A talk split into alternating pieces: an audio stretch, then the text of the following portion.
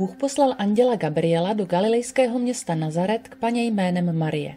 Když přišel, řekl, zdravím tě milostí obdařená, hospodin s tebou. Neboj se, Marie, vždyť si nalezla milost u Boha. Hle, počneš, porodíš syna a dáš mu jméno Ježíš. Narození Ježíše Krista se událo takto.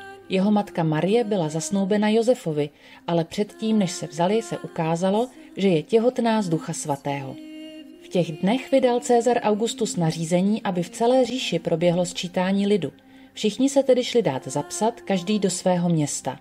I Josef s Marií se vydali do města Davidova zvaného Betlém. V tom kraji byli pastýři, kteří pobývali pod širým nebem a drželi noční hlídky u svého stáda. Tom před nimi stanul hospodinův anděl a ozářila je hospodinova sláva. Nebojte se, zvěstuji vám velikou radost pro všechny lidi. Dnes se vám ve městě Davidově narodil spasitel. A toto vám bude znamením. Najdete děťátko zavinuté do plenek, ležící v jeslích. Ježíš se narodil v judském Betlémě za dnů krále Heroda. Tehdy do Jeruzaléma přišli mudrcové z východu. A hle, hvězda, kterou viděli na východě, je předcházela, až se zastavila nad místem, kde bylo to dítě. Ježíš. On zachrání svůj lid od jejich hříchů. Immanuel. Bůh je s námi.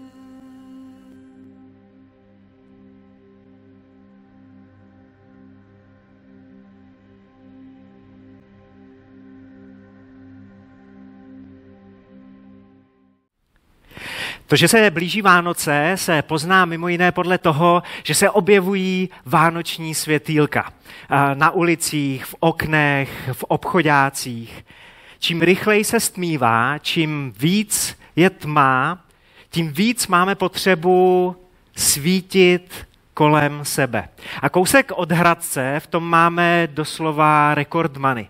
V jednom rodinném domku eh, v Libyšanech i letos eh, odvinuli půl kilometru prodlužovaček a do bezmála čtyřstovek zásuvek zapojili pět kilometrů světelných řetězů a rozsvítili 154 tisíce žárovek. Světlo je symbolem Vánoc téměř 2000 let, protože, no, protože, protože Ježíš. Protože Ježíš. Jeden z nejbližších Ježíšových přátel, Jan, když psal svoje evangelium, které je pojmenované podle něj, evangelium podle Jana, tak ho otvírá vánočním příběhem, na který se dívá z takového dost speciálního úhlu. Můžeme se tam dočíst, na počátku bylo slovo. To slovo bylo u Boha, to slovo byl Bůh. To bylo na počátku u Boha. Všechno povstalo skrze ně a bez něho nepovstalo nic, co jest. V něm byl život a život byl světlo lidí. To světlo ve tmě svítí a tma je nepohltila. Bylo tu pravé světlo, které osvěcuje úplně každého člověka. To přicházelo do světa. Na světě byl, svět skrze něj povstal, ale svět ho nepoznal. Svět ho přehlídnul. Svět ho ignoroval. Světlo tak často považujeme za něco tak samozřejmého, že je jednoduchý si ho nevšimnout. Světlo, díky kterému můžeme vnímat, jak nádherný a barevný je svět kolem nás. Světlo nám pomáhá vychutnávat si život. Je dokázáno, že mnohem víc lidí trápí deprese v té severní eh, části světa, kde noc trvá šest měsíců v roce. Pro člověka a taky pro drtivou většinu rostlin a živočichů je světlo úplně tou nejzákladnější podmínkou pro život. A Jan říká, že Ježíš je světlo. V něm byl život a život byl světlo lidí. Ke svému životu naprosto bezpodmínečně potřebujeme znát Boha. A já vím, že některý z vás jakoby fungují na solární baterky. Nemáte rádi si chravej podzim a už vůbec nemusíte zimu. Sluneční světlo se můžeme pokoušet eh, různě nahradit, jakože něco rozsvítíme nebo půjdeme do solárka, ale nikdy to není tak úplně ono. Eh, tamhle sedí Danka, eh, tamhle sedí Danka Chovanňok a já tuším, že jak jsem otevřel tohle téma, tak jsem jí trošku vypnul, protože v hlavě teď listuje nějakým katalogem cestovní kanceláře a vybírá si, k jakému moři odletí a uteče od té zimy letos, v prosinci nebo v lednu. No a já si myslím, že udělat něco takového, to je stoprocentně lepší než eh, nějaká náhražka. Vztah s Bohem se taky můžeme pokoušet něčím nahradit. Ale nikdy to nebude ono. Ježíš, ten Ježíš narozený o Vánocích, o sobě později prohlásí. Já jsem světlo světa. Kdo mě následuje, nebude chodit ve tmě, ale bude mít světlo života. Je to málo se pár dní v roce kolem Vánoc rozplývat nad tím malinkým Ježíškem na slámě. Chceš mít život? Chceš mít skutečný život? Pak následuj Ježíše. A někdy světlo ignorujeme, zavíráme před ním oči, dokonce se před ním schováváme, protože nás dráždí. Je nám nepříjemný. Obtěžuje nás. Červený světlo na semaforu když pospícháme. A pak jednou pokuta nebo bouračka. Sluneční paprsky, když se nám nechce vstávat z postele. Schováváme se před sluncem, chceme mít zavřený oči, nechce se nám vůbec nic dělat. No a potom problém ve škole nebo problém v práci blikající trouba, že je potřeba, že už je na čase vyndat z ní cukroví. No jo, jenže já mám rozkoukaný tři oříšky pro popelku, takže doufám, že to té troubě ještě chviličku vydrží. A potom v lepším případě omluva rodině letos linecký nebude, v horším případě jiný světlo, blikající světýlko hasičského majáčku. A nebo, pánové, svítící kontrolka na přístrojové desce v autě. Jestli jste osobnostní typ jako já, tak ji máte tendenci přelepit náplastí, aby vás tak neiritovala. Je to něco, co vás ruší při jízdě a zbytečně rozptiluje. No a potom mastnej účet v autoservisu. A můžete vyhlásit sásky, co mě potkalo z tady z těch variant letos před Vánocema. A ale to je na úplně jiný vyprávění a na úplně jiný příběh. Rozhodně platí, že je dost světel a světýlek, který se nevyplatí ignorovat. A Jan říká, že Ježíš je světlo. Bylo tu pravé světlo, které osvěcuje každého člověka, ale svět ho nepoznal. Nevšim si ho. Zavřel před ním oči. Když se rozsvítí, když někde rozsvítíte, tak je najednou vidět, co se skrývá v těch různých temných zákoutích. Nepořádek v srdci, charakterové vady, zlozvyky, lži, sobectví, prostě hřích.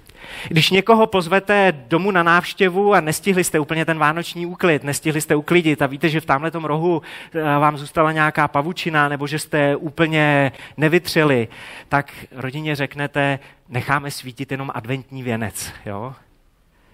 A návštěvě řeknete, uděláme si takový intimčo. Ono se to dá nějakou dobu schovat.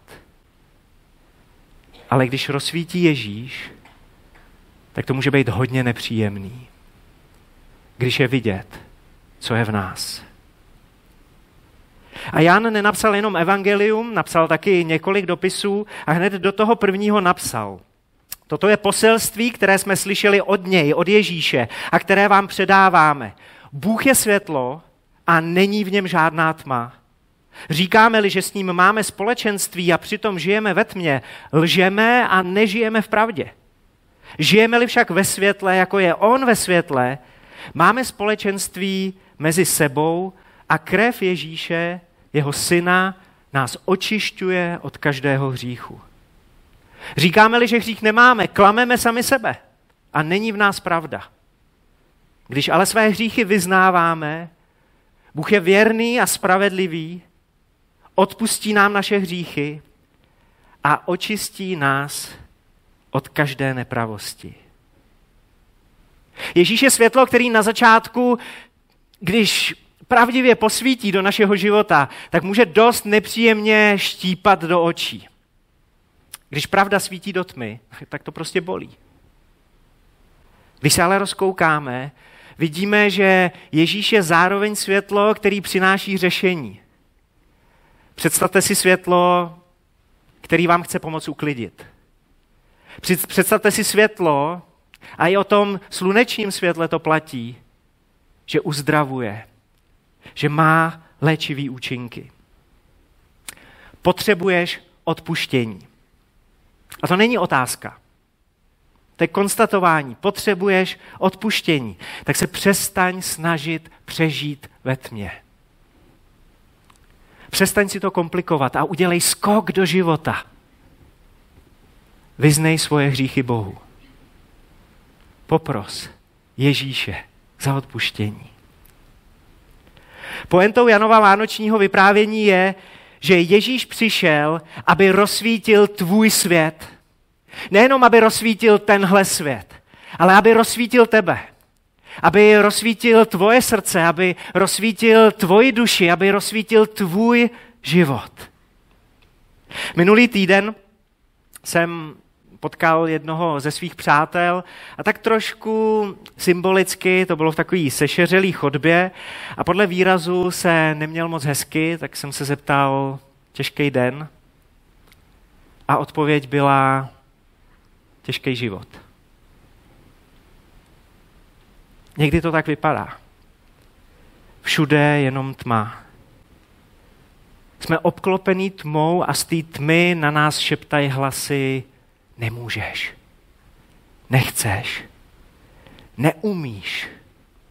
Nezvládneš. Je ti smutno, je ti těžko, je ti úzko. Jan ale říká, že Ježíš je světlo.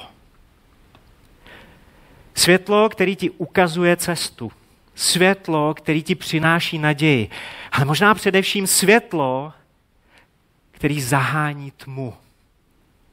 Tma v přítomnosti toho světla nedokáže vydržet ani chvilku.